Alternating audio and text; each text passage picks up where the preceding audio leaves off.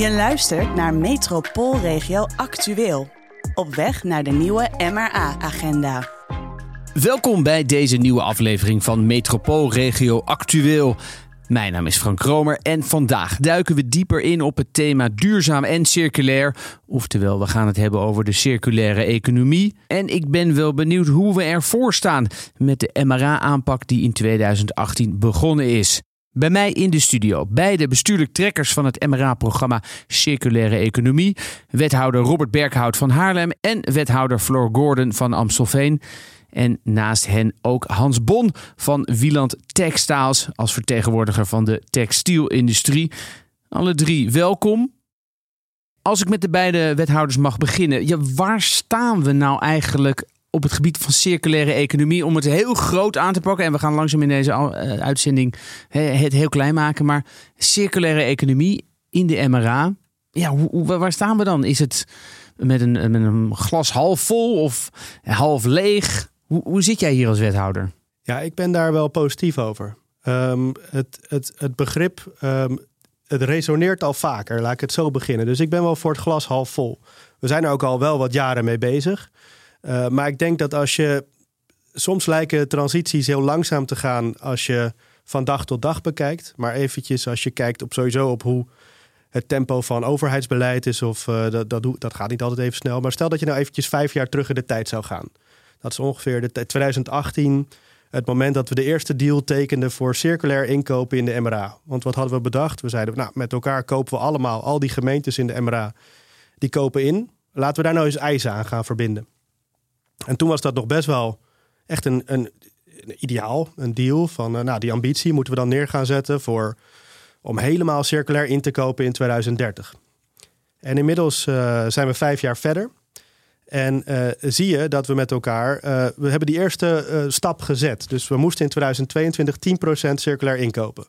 Nou, op een omzet van de MRA grofweg 4 miljard euro per jaar mm -hmm. is dat gelukt. Alle gemeenten bij elkaar hebben 10% circulair ingekocht. Dat was echt nog, dat kwam uit het niets toen in 2018. En ik moet ook wel zeggen, dat is een gemiddelde. Want er zijn een aantal gemeenten, dat is misschien ook meteen de uitdaging, die echt al verder zijn. Dus die zitten al op 50% Haarlem of uh, wat middelgrote gemeente Amsterdam. En ik denk dat hebben we wel met elkaar in gang gezet.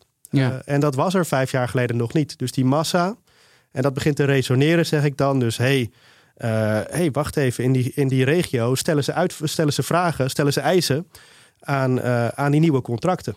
hey, wacht, misschien moet ik daar ook mijn best voor gaan doen. Misschien moet ik daar ja, ook eens over na gaan denken. Ik denk dat we daarmee, daar ben ik dus positief over gesteld. Het kan misschien sneller, kan altijd sneller. Maar moet je eens kijken, vijf jaar terug was het er nog niet. En moet je kijken, iedereen kent de term, we zijn op weg. Nou, ik heb hier een uh, positieve wethouder uit Haarlem. Hoeveel procent zit uh, Amstelveen eigenlijk? Oeh, het is wel een lastige vraag. Ook namelijk hoe je het definieert. Volgens mij zo'n 25. We zitten boven gemiddeld. Komen wel van ver. We kwamen eigenlijk van niks. Uh, je merkt dat inkooptrajecten, dat ook de kennis opbouwen, kost ook tijd. Van hoe doe je dat dan? Nou, het is gelukt bij ons met textiel, met uh, uh, onze mini-containers, die zijn van circulair plastic. En dankzij wat nieuwe wetgeving hebben we ook al circulaire koffiekopjes. Hartstikke belangrijk met alle koffie die we zo graag consumeren. Maar het is nog steeds wel weer barstig. En je moet elkaar dus ook heel erg daarin stimuleren. Dus ik ben eigenlijk ook heel positief. Ik zie dat, het wat, dat er wat gebeurt op dat vlak. Um, maar het is niet bij alle afdelingen en overal al vanzelfsprekend. Want het is natuurlijk niet iets wat alleen op de afdeling economie en inkoop moet plaatsvinden, maar in alle sectoren. Hans, ik, ik zit hier met twee hele positieve wethouders. Uh, nou, als ik het zo hoor, denk ik ja, voor jou in de textielindustrie, nou, dat gaan gouden tijden worden. Zijn. Zijn. nou, gouden tijden. Uh, ja, weet je, we, we, we danken veel textiel af. Het moet ook allemaal verwerkt worden. Er belandt nu nog heel veel textiel wat in Nederland wordt afgedankt in het buitenland. En daar hebben we nog wel een belangrijke uh, stap te maken, denk ik. Maar herken jij dit beeld, wat leeft bij, bij bestuurders? Te zeggen, ja, we moeten toch echt serieus aan de gang met die circulaire economie? Of is het toch een beetje afwachtend? Nou, voor mij is, als je kijkt naar textiel, is uh, uh, circulariteit 98% praten en 2% doen. Nou, dan is weer dat glas wel heel erg leeg. Nou, kijk, kijk dat, je kunt ook gewoon zeggen, die 2% is al heel wat. En dan wordt het glas weer half vol. Ik weet niet hoe jij het ziet. nou ja, weet je, de, we zijn gewend aan gewone inzamelingen. Hè, met, met de textielbak in de straat. En uh, uh, dat is eigenlijk een heel lineair principe waarbij er uh, aanbestedingen worden gedaan. Je betaalt voor datgene wat je inkoopt. En uiteindelijk is het aan het bedrijfsleven om dat al te zorgen dat het allemaal op een fatsoenlijke manier verwerkt wordt en weer in de markt wordt gezet.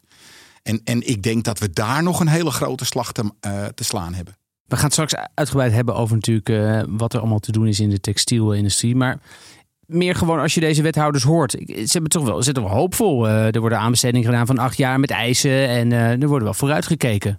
Nou, we, we net al bij binnenkomst uh, stellen, zie ik dus al van je, dat, dat, je, je ziet elkaar zo nu en dan, maar wel steeds dezelfde gezichten. De MRA zijn 30 gemeenten.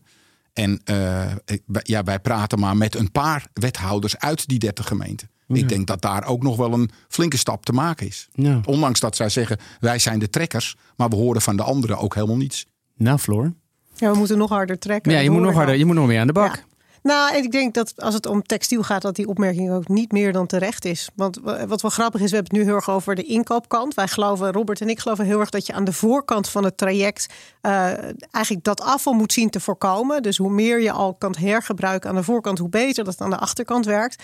Maar als het gaat om afvalinzameling en het scheiden daarvan en het hergebruik, dan doen we het op een aantal grondstoffen of fracties heel goed. Plastic wordt goed herbruikt, uh, GFT.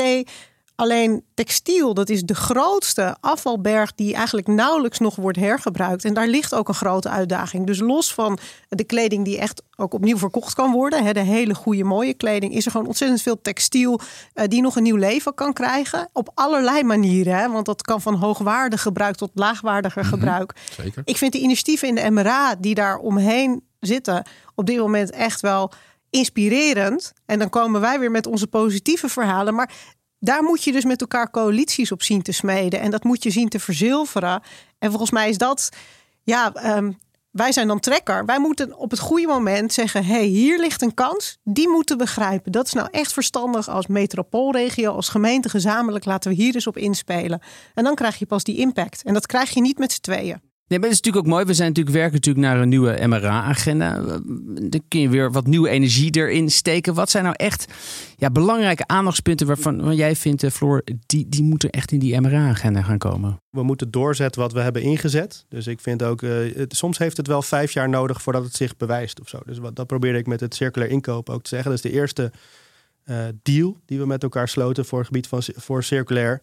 Er zit weer zo'n volgende mijlpaal aan te komen. Hè. 2025 wil je 50% circulair zijn. Maar die eerste mijlpaal vorig jaar, die leverde ook iets anders op. Uh, namelijk dat heel veel gemeenten, sommige zijn uh, met eerlijk, volgens mij vergeten dat ze de deal getekend hebben. Uh, zo kan het ook. anderen die, die kunnen het niet of die weten nog steeds niet hoe. En een aantal die zijn dus voortvarend aan de slag. En dat is precies ook, misschien is dat die onderlinge solidariteit die de MRA de MRA maakt. Misschien moeten we dat met moeten we elkaar leren aanspreken. Maar uh, uh, nee, het lukt niet met twee trekkers of met uh, zes gemeentes die heel voortvarend aan de slag zijn. Het lukt als we met elkaar allemaal een stap zetten. Dat hoeft niet allemaal in een gelijk tempo te zijn. we verschillen ook in omvang, we verschillen ook in. in hè, en op een gegeven moment heb je die stappen gezet, heb je die kennis opgedaan. dat vond ik heel leuk een paar weken terug. Het zit ook gewoon in kennisdeling en elkaar weer zien. Een paar weken terug waren alle wethouders duurzaamheid bij elkaar. Um, komt ook niet heel vaak meer voor in de MRA. Maar dat, uh, die waren bij elkaar. En eigenlijk stond daar ook even de, de update van waar, hoe gaat het nou? Op een aantal deals. Bijvoorbeeld ook uh, houtbouw. Uh, of biobased bouwen. Dat, dat, is, dat is ook iets wat begon als een soort van, van ideaal. Nou, dat is zou toch wel mooi zijn als in die enorme woningbouwdrift die we hebben in de MRA... we ook even naar de materialen kunnen kijken waarvoor we dat gebruiken. En je merkt eigenlijk al, ik denk dat we dat ook soms te weinig vertellen... dat dat resoneert ook weer bij die ontwikkelaars. Wel, die, die zeggen, oké, nou, als u dat uh, wenst, dat kunnen wij wel. Want die zijn al tot heel veel in staat. En dan ben ik toch benieuwd, hè? want Hans had het net over 98% praten, 2% doen. Ik denk, dit is de crux. Vaak zijn het bevlogen bestuurders, maar zodra het bij inkoop belandt, ja, dan is er gewoon geld de doorslaggevende factor. We gaan gewoon voor het allergoedkoopste, want dat is zo besteden we aan. Ja, die aanbestedingscriteria die stel je natuurlijk met elkaar vast. Hè? Dus dat is vaak wel een bredere afweging dan alleen prijs of alleen circulariteit. Maar het is ook aan een college om te bepalen hoe wegen we dat. En daar kan je dus echt wel op sturen. Maar dat moet je wel, die keuze moet je wel een keertje voorleggen aan je bestuur ook. Van hoe gaan we dat dan wegen? En ik snap best dat er als het leidt tot uh, excessieve prijsverhogingen, dat dat tot discussie leidt. Maar dan moeten wij die markt weer uitdagen om te zorgen dat er straks meer aanbieders komen. Hans, uh, voordat we uh, straks echt jouw bedrijfstakken gaan ontleden, als je dit zo hoort van de wethouder, wat, wat zit het inderdaad? Ja, de inkoop zit niet zo zwart-wit en er is nog wel veel winst te behalen? Of denk je nou ook, ook weer veel praten en uh, eerst zien dan geloven? Nou, het is wel grappig, want uh, als het gaat over aanbestedingen, dan zie je dat er wel vaak ehm, dat er hele interessante ideeën aan de grondslag liggen. Maar dat er dan toch fors gescoord moet worden op de financiële component. En dan kun je het nog zo goed doen als bedrijf zijnde en nog zulke goede circulaire ideeën hebben eh, die vaak, eh, en zeker bij mij, al in beweging zijn. Maar dan verlies je het toch op het geld. Dus dan, hoe mooi het ook is, dan, eh, dan wordt het toch gewoon uiteindelijk een plat ding over geld. Ja, want de geldcomponent heeft dan meer, krijg je meer punten daarvoor ten ja, opzichte bijvoorbeeld, Ja, textiel is nou typisch zo'n waardefractie. Waarbij, uh, waarbij het niet alleen maar gaat over wat je ermee doet of waar het belandt of hoe circulair je het doet. Maar uiteindelijk is daar het argument over de milieuheffing, geld voor de burger. En uh, ja, het, dat soort uh, aspecten zijn dan in ene belangrijker dan het circulaire. Daar gaan we het zo verder over hebben. Dan kunnen jullie er ook op reageren. eerst wil ik graag naar het rondje van de regio.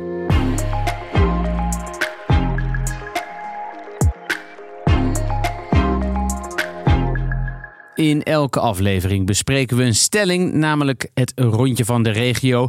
En deze keer hebben we de volgende stelling, die luidt: Zonder goede wetgeving blijft het bij woorden, dus de MRA-samenwerking moet echt keihard gaan lobbyen. We hebben één ingezonden reactie, laten we er eerst eventjes naar luisteren. Nou, dat is wel heel kort door de bocht. Lekker wijzen naar Den Haag. Ik weet toch zeker dat je op regionaal gebied ook dingen kunt bereiken. En ik denk dat de mensen die hier aan tafel zitten daar ook goede ideeën over hebben. Robert, ja, volgens mij is het, uh, volgens mij is het NN. Dus volgens mij, je, we kunnen inderdaad tot op zekere hoogte kunnen we best wel stappen zetten regionaal. En dan heb je echt die voorbeelden die, hè, dus dan, je hebt een soort van basisniveau hoe je in het begin misschien met koffieprut zeg maar eventjes uh, circulaire stappen probeert te zetten. Ik denk dat we nu wel kunnen opschalen door, door ook kennis te delen als het gaat om, om circulair inkoop. Hoe doe je dat op lokaal niveau? ik denk uiteindelijk inderdaad circulair is om echt naar die 100% circulair te gaan moeten we iets doen met die hele keten. En moeten we iets doen met inderdaad eh, het productieproces en consumptie.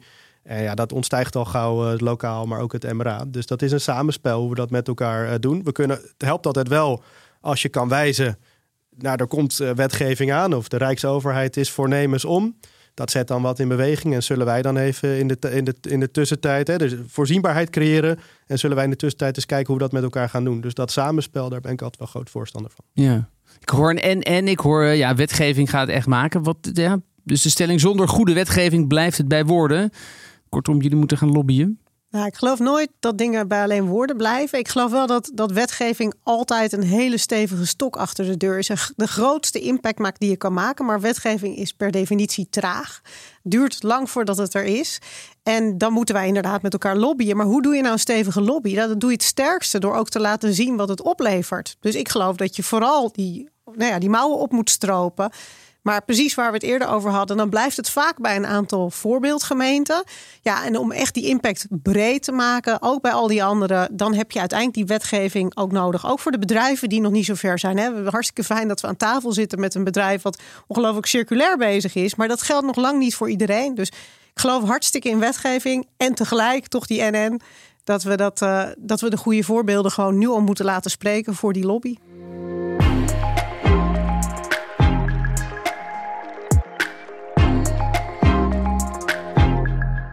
We gaan naar een goed voorbeeld, uh, Hans.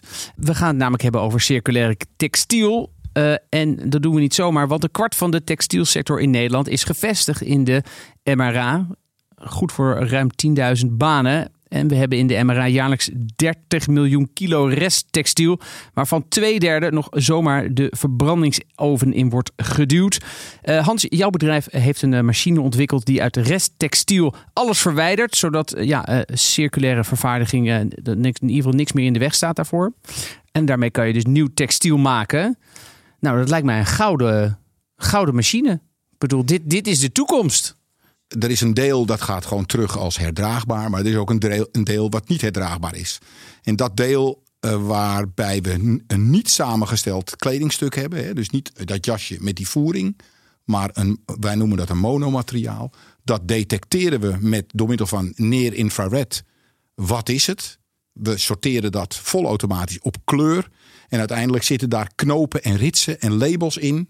En die wil de industrie niet, want dat zijn geen zuivere materialen. Dus we hebben een machine ontwikkeld die volautomatisch kledingstukken in kleine stukjes hakt. En uiteindelijk daar de vervuiling uithaalt. En dan heb je dus een grondstof. En die grondstof, daarmee gaan we dus naar de markt. Dat wordt uit elkaar gehaald tot vezelniveau. Spinnen we nieuwe garens van. En daar kun je dus weer een trui, een overhemd of een broek van maken. Klinkt fantastisch. Ik bedoel, dit is toch de, de toekomst? Ja, klinkt heel simpel. Ja. Ja, nou, het is het niet. Maar eh, eh, we maken wel hele mooie stappen. Ja. Hè, dus, en we zien wel dat de markt, eh, de, de textielmarkt, steeds meer circulaire materialen vraagt. Hè, want ik zei net al, de wetgeving is belangrijk. Die zet druk, ook op Europa. Om naar de toekomst toe post-consumer content hè, in ieder kledingstuk te hebben. En eh, eh, ja, daar, daar proberen wij nu grondstoffen voor te maken. Ja. En het is nog lastig om die. Want 20% van wat we in Europa dragen komt uiteindelijk uit Turkije. En Turkije ziet dit soort grondstoffen nog steeds als afval. Dus eh, eh, ja, eigenlijk zou je daar die wetgeving moeten har- harmoniseren. Zodat we dat ook daar als grondstof die industrie weer in krijgen. In, in Europa is dat eh, gelukkig veel makkelijker. Ik ben een paar weken terug in Prato geweest in Italië. Ja, ja daar is een, een, een onuitputtelijke vraag naar eh, eh, dit soort materialen. Dus we, we kunnen daar hele mooie stappen maken. En wat ik, ik zei het in de introductie, twee derde eh, wordt zomaar in de verbrandingsoven gegooid. Klopt dat een beetje, dat aantal? Nou, ik, ik, volgens mij is het binnen de MRA wordt ongeveer 15 miljoen kilo ingezameld. Als ik het uit mijn hoofd zeg. Ja. En er zit nog 15 miljoen kilo in die grijze bak. Ja. En eigenlijk hè, zouden we dat wel eruit moeten zien te halen. En dat, maar, daar praten we al heel lang over. En ik zie dat er ook druk sta, ont, eh, is ontstaan nu in Europa om veel meer textiel uit het restafval te scheiden. En dat zou enorme volumes textiel eh, eh, moeten genereren. Maar die, die, ik zie het nog niet gebeuren. Daar bedoel je mee dat mensen gewoon hun oude t-shirt of hun oude trui gewoon in de vuilnisbak gooien? Nou ja, bijvoorbeeld eh, als je sorteerproeven doet uit het huishoudelijk afval, dan zie je soms dat er gewoon dichtgeknoopte zakken textiel in de, eh, in de grijze bak terechtkomen. Dat mensen zoiets hebben van, nou ja, hij staat hier al drie weken en ik zou hem wegbrengen naar de container. Nou mooi hoor, morgen komt, gaan ze die grijze bak legen. Gooi het daar maar in, dan zijn we er van af. Maar eh, ja, weet je, dat, dat, dat is gewoon zo zonde. Het is dubbel verlies. Hè? Het is het verlies van de grondstof. Maar je betaalt eigenlijk ook nog eens voor die verbranding. Dat is Ja. nog best wel kostbaar ook. Dus dat betalen we met z'n allen. Ja, En het is denk ik ook, want hele zakken, dat vind ik dan wel heel schrijnend. Maar ik denk dat het heel vaak ook onwetendheid is van. van dat gaat door alle generaties heen. Ik zie het om me heen ook. Ik ben natuurlijk al jaren hiermee bezig. Dus dan gaat het echt over die oude pannenlap... waarvan mensen niet beseffen dat die ook bij het textiel kan. Want de beleving is, daar moeten we alleen het goede textiel naartoe brengen. En ja, dan beland- belanden al heel veel sokken en kapotte onderbroeken... gewoon in het eh, ja, restafval. Stomme vraag, moet je nou iedereen een textielbak, niet een groene bak en, en zo'n gescheiden plastic en eh, wat is het, eh, papierbak, maar ook nog een textielbak thuis? Ja, dit, dit is wel de uitdaging. Hoe, hoe ga je met eh, gemak of met gedrag om? En dat is eh, ook soms kan iemand het hele plaatje overzien van, eh, van, van dat dat afval uiteindelijk weer een grondstof is. Of eh, is dat toch iets waar je helemaal niet bij stilstaat?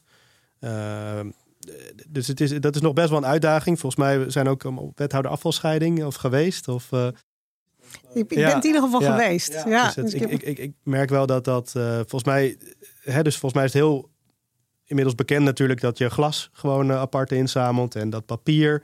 En ik moet ook wel zeggen, eh, maar het blijven, sommige dingen blijven toch wel hardnekkig. Bron of nascheiding, dat soort discussies. Dat het ook wel het gemak. Of ja, wat doen ze met dat plastic? Eh, ik geloof het allemaal niet. Dus er, zitten zoveel ook mythes rondom afval. Dat het zo moeilijk is om dat verhaal over te brengen. Dat het ook echt wat oplevert. En direct levert het sowieso ook niks op. Hè? Het is alleen maar indirect dat het wat extra kost. Of wat extra moeite eh, kost. Dus, dus het, het is echt wel een gedragsissue wat je moet tackelen met elkaar. Nou ja, dan zeiden we van, nou ja, wat, dan is de klassieke inderdaad... hou die afvalstoffenheffing laag of daar gaat het om... en dan moeten we het gewoon zo snel mogelijk verwijderen.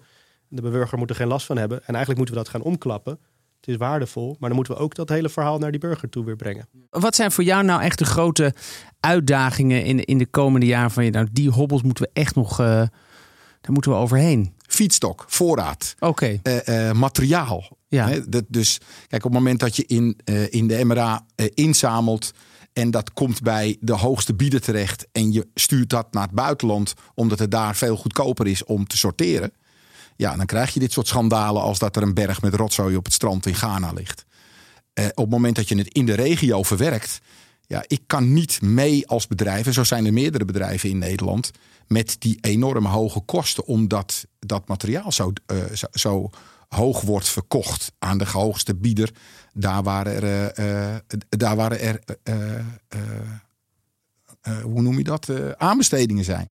En, maar daar komt dus ook, kijk, ik vond het een hele heldere vraag. Ons bedrijf kan straks van de grond komen als we meer, ja, meer kledingstukken hebben. Het moet groter zijn om de volumes te halen. Daar kunnen wij binnen onze metropoolregio zeker wel iets in bijdragen. Maar dat is dan wel een timingsvraagstuk. Dan moeten we allemaal gaan kijken wanneer kunnen we een deel van ons contract eruit halen of apart op de markt zetten of eh, nou ja, niet aanbesteden. En dan komt die voorraad. Maar dat is dus niet van vandaag op morgen, want misschien een aantal contracten is net aanbesteed. Maar dat betekent dat we dat nu moeten inzetten om de komende jaren naar die fietsstok dat zo goed voor elkaar te krijgen, die voorraad groot te krijgen. En daarom is, zijn dit soort vragen uit de markt voor ons ook zo belangrijk, want dan weten, wat, weten wij wat ons te doen staat. Nou ja, weet je wat ik steeds zie? Is we beleiden het een en we doen het ander. En ik denk wanneer we doen wat we, eh, wat we graag willen, dan zit daar een prijs aan. En of dat nou een duurzaamheidsprijs is of een financiële prijs. Alles wat je doet heeft een prijs. En eh, als, je, als je met elkaar in die metropool zegt, we willen eh, dat dat materiaal lokaal wordt verwerkt. En, en, en dit zijn onze eisen om dat lokaal te verwerken. Ja, dan moet het niet zo zijn dat je het één zegt en dat het toch een hele andere kant op schiet. En dat maakt het voor eh, de bedrijven heel ingewikkeld. Want we hebben dat volume gewoon nodig om te kunnen opschalen. En als dat volume er niet is, ja, dan, eh, eh, dan zie je dat, dat je klem zit. Dat het, dat het geen, geen, geen, geen, groot, geen grote kans krijgt, om het zo maar te zeggen. Nee.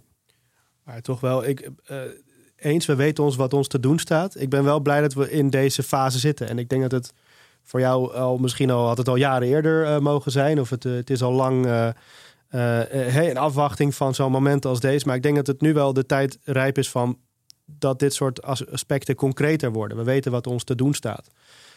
Dat circulair eerst van een soort van ongrijpbaar begrip of iets vaags. Wat moeten we nou weer extra. We, hadden toch, we waren toch al duurzaam bezig. Moeten we nu circulair? We komen echt nog uit die tijd. En vergis je niet hoe, hoe taai of hoe weerbarstig dat soms is. Voordat dat echt in degene. Want we moeten van alles elke dag. Nou, jullie hebben ongelooflijk veel podcast met wat we allemaal moeten, volgens mij. Heel veel, ja Dus, zeker. eh, dus maak maar even tijd in je hoofd vrij als je niet dagelijks met textiel aan het werken bent, dat dit ook een aspect is. Maar we zitten wel in de fase dat we inderdaad een rol kunnen spelen als lokale overheden. En dat vind ik ook wel weer eh, winst. Ik denk wel, we moeten blijven werken aan meerdere, meerdere aspecten daarvan. En, en, en één daarvan is ook, wel, is ook wel die bewustwording. Dit gaat uiteindelijk ook om consumptie. Dit gaat uiteindelijk ook om dat gewoon eh, kleding ook steeds goedkoper wordt. En dat er nog steeds eigenlijk meer eh, kleding als wegwerpmateriaal nog steeds eh, opkomend is. Dus dan kan je. hè, dan is dit een aspect van een groter verhaal wat je moet vertellen. En dat vind ik ook wel interessant. Dat wij proberen dat dan in, in Haarlem ook op al die aspecten te doen. Dus wat ik net zei, van nou, ik vind dat je je rol moet pakken als, als voorbeeld, als, als lokale overheid of als inkoopmacht als lokale overheid. Of in je openbare ruimte, dat je, dat je, dat je klinkers hergebruikt of, eh, of, of, of, tegels met hergebruikte cement eh, realiseert. Maar eh, die andere, die bewustwording, want dan kan je pas die bewustwording doen, vind ik eigenlijk. Als je zelf die concrete stappen zet en laat zien dat je eraan werkt, dan kan je ook iets aan die burger vragen of vertellen van hoe die dat moet doen. Toch, stel nou, hè, dat, we, zijn, we hier leuk aan het praten over. We gaan naar die doen-fase. En eh, we, we gaan zeggen, nou ja, weet je wat? eh, als we dat textiel wat ingezameld is, dat moet naar een circulaire verwerker. En stel nou dat er een circulaire verwerker uit Italië komt. En die biedt meer, meer dan jij. Dus al het gaat allemaal, toch allemaal weer naar het buitenland. Maar het is wel circulair. Ja, en het zit ook binnen Europa. Ja, Ja, dus dat, heb, ik niet zo heel veel over te zeggen. Keuze Nee. zou kunnen zijn: nee, we willen dat lokaal in de eigen regio verwerken. ja. Maar dat is een keuze die zit dan bij de politiek. Dat, Ja. eh, Nou ja, wat, Vaak is lokaal ook circulair. Hè? Dus de, de afstand, de logistieke deel is vaak ook... Uh, dat, Tuurlijk, maar ja, ik bedoel, als er circulair maar zo'n zak geld... Ik bedoel, we, uiteindelijk, de knooppunt hoor ik vaak, is toch, ja, zijn toch de centjes? Het is grappig, want in onze gemeenteraad is laatst nog een motie ingediend over true pricing. Dat gaat dan over de werkelijke prijs van producten, inclusief de CO2. Ja, die moet je ook met elkaar meewegen. Dus als je iets op transport moet zetten naar Italië en het kan misschien nog steeds goedkoper zijn in de uitvoering. Maar als de uitstoot daarmee heel erg omhoog gaat. En die proberen we met z'n allen omlaag te krijgen. Dan moet je dat met elkaar afwegen. En uh, misschien zijn het hartstikke duurzame treinen hoor. Die volledig door zonne-energie worden gefueld. Geen idee. Maar het is een veel integralere afweging. En wat ik wel aardig vind, is dat we die discussies nu eindelijk eens in de volle breedte gaan voeren. En ook circulair. Het gaat niet alleen om die prijs. Het gaat ook over de arbeid die we in de regio houden. Die toekomstige economie die we hier dus bouwen met onze eigen mensen. Dat is hartstikke goed voor de regio. Dus het is ook een breder verhaal dan alleen. Het kost nu even wat extra en dan kunnen wij het mooi verwerken. Wij moeten met elkaar bouwen aan wat voor toekomstige regio willen we zijn. En ik denk dat textiel, nou, we hebben net niet voor niets gezegd, 25% van Nederland gebeurt hier. Ja, blijkbaar is dat een sector die voor ons belangrijk is. Misschien moeten we daar dan ook in durven investeren om het toekomstbestendig te maken. Dat is altijd wel het grap. Soms ook de valkuil van circulair. Want je wil naar een ander type. Hè, als je, als je, hoe, hoe komt tot consumptie tot stand? Of hoe zitten die ketens in elkaar? Dat is globaal. En dat voelt soms wel. En dan gaat de gemeente Haarlem even zeggen dat ze circulair willen zijn over 17 jaar. Ja. Hoe dan? Uh, ja, succes. En dan is het al meteen, de geloofwaardigheid is vrij beperkt. of zo. Want uh, dat komt van over de hele wereld en dat gaat zo. En hoe heb jij daar nou grip op op lokaal niveau? Dus dan helpt het altijd wel om hem weer beheersbaar te maken. En dan kan je ook zeggen inderdaad van, maar wacht even, we kunnen, wat is dan de regio? Of wat is de schaal waarbinnen je die ketens weer terug kan brengen? Als Europa de schaal is waarbinnen wij grondstoffen de komende 20, 30, 40 jaar willen behouden, vind ik helemaal geen gekke geopolitiek. Dat is helemaal niet duurzaam of idealistisch.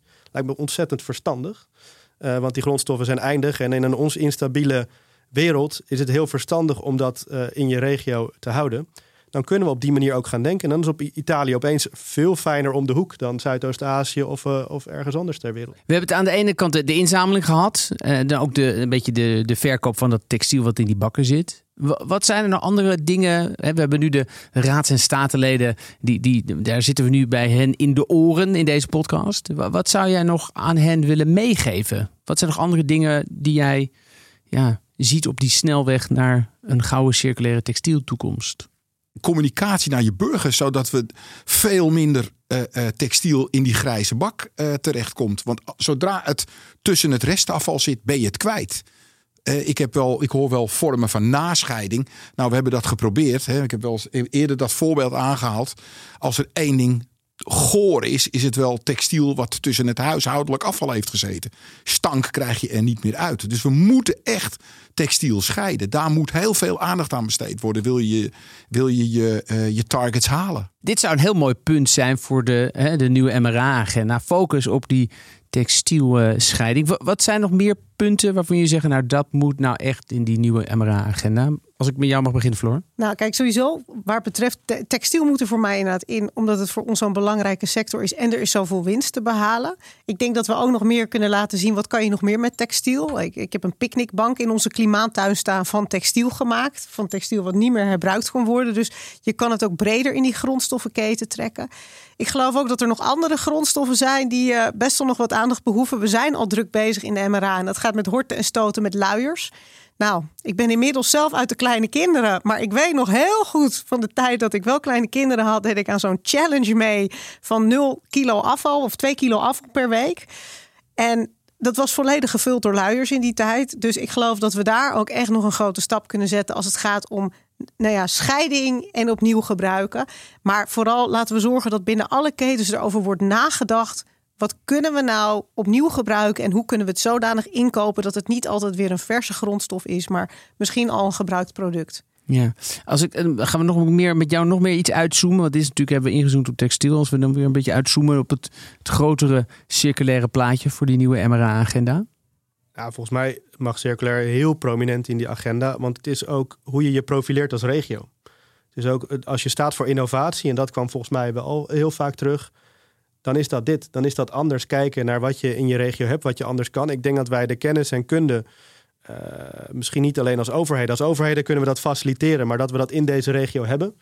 Uh, dus ik zou eigenlijk de regio willen onszelf willen uitdagen om dat heel, heel centraal neer te zetten. We snakken al jaren volgens mij uh, naar uh, wat gaan we dan concreet doen en hoe gaan we die samenwerking met het bedrijfsleven opzoeken. Nou, volgens mij, dit is de ideale combi. De combinatie van, een, uh, van overheden die randvoorwaarden stellen, maar wel een ambitie neerzetten. En vervolgens, die markt die geeft dan terug, oké, maar dan heb ik dit van jullie nodig.